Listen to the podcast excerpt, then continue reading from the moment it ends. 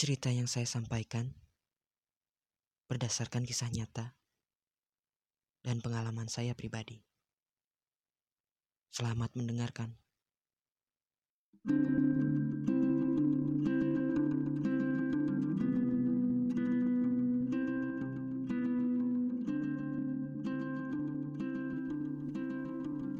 Terkadang, langkah-langkah itu harus berhenti,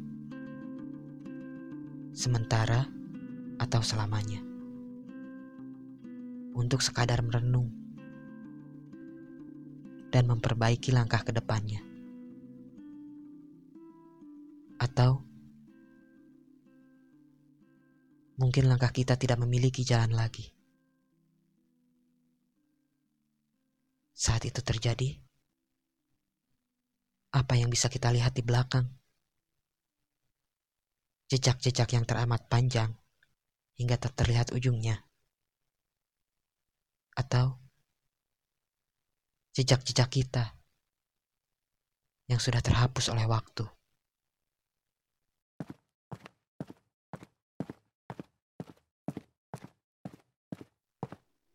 Mei 2017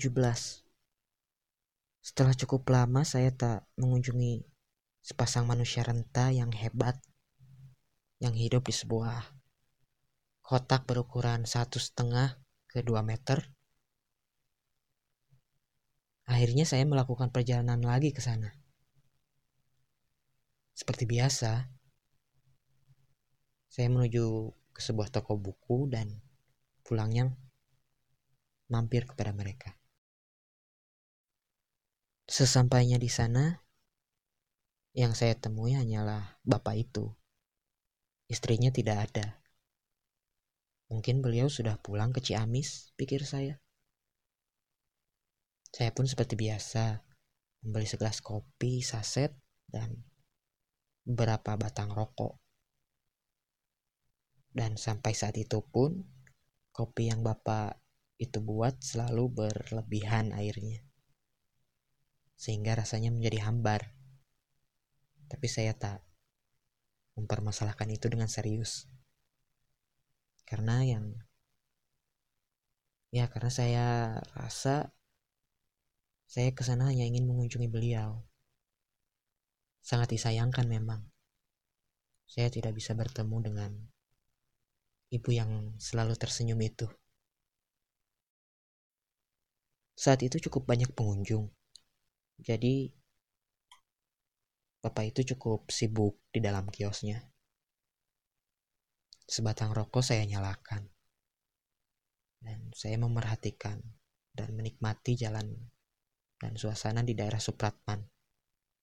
Yang seperti biasa mulai ramai karena jam pulang, jam jam pulang sekolah ataupun jam pulang kerja. Beberapa lama berselang, bapak itu sudah cukup santai. Beliau duduk di di lawang pintu kiosnya. Dia bertanya pada saya, habis pulang dari mana? Kemudian saya menjawabnya dan ia melanjutkan dengan obrolan-obrolan kecil. Setelah cukup berbincang, saya menanyakan kondisi istrinya saat itu. Ya saya harap istrinya sudah membaik.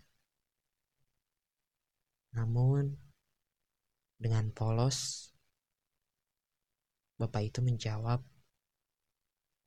jika istrinya sudah meninggal. Tepatnya tanggal 19 Maret tahun 2017. Mendengar itu,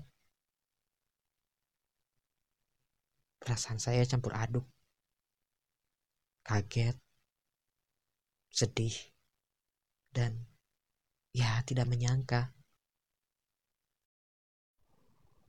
Bapak itu kembali memberitahu saya bahwa istrinya meninggal karena penyakitnya yang semakin memburuk dan meninggal di Ciamis.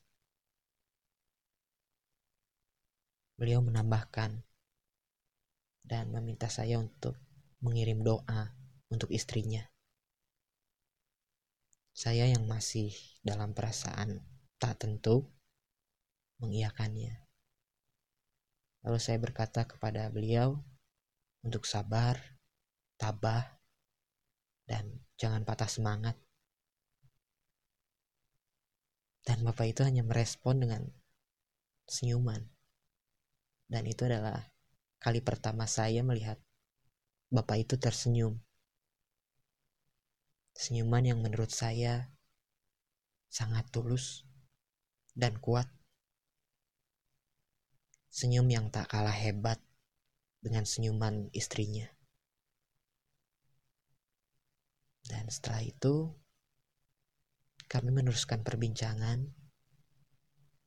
Ia mengatakan mau tetap berdagang di kios itu, dan ia di Bandung.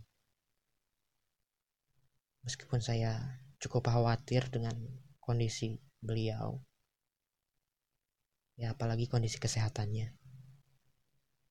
Tapi beliau seperti sangat semangat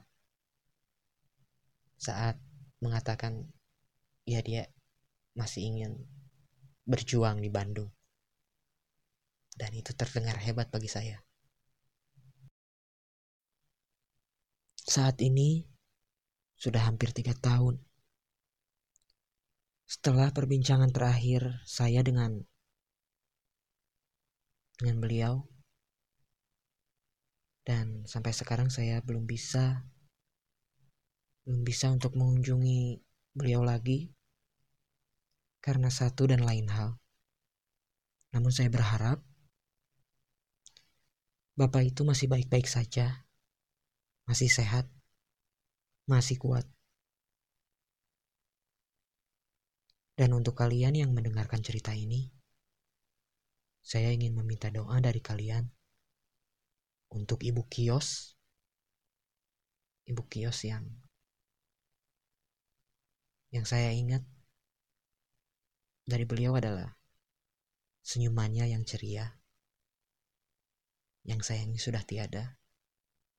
Semoga beliau tenang di sana dan juga untuk bapak kios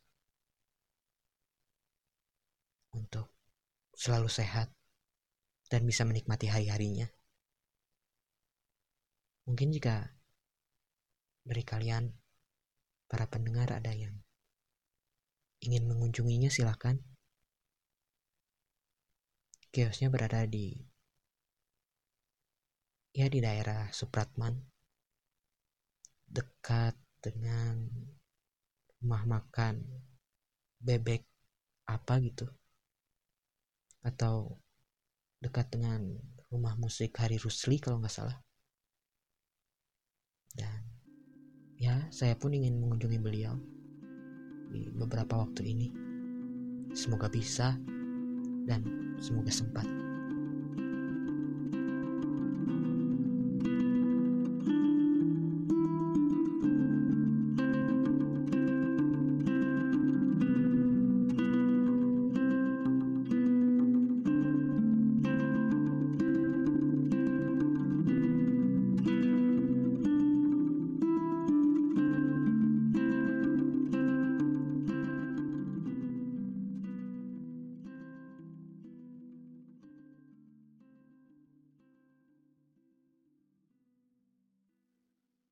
Terima kasih telah mendengarkan catatan pejalan kaki dari podcast hingga sesaat.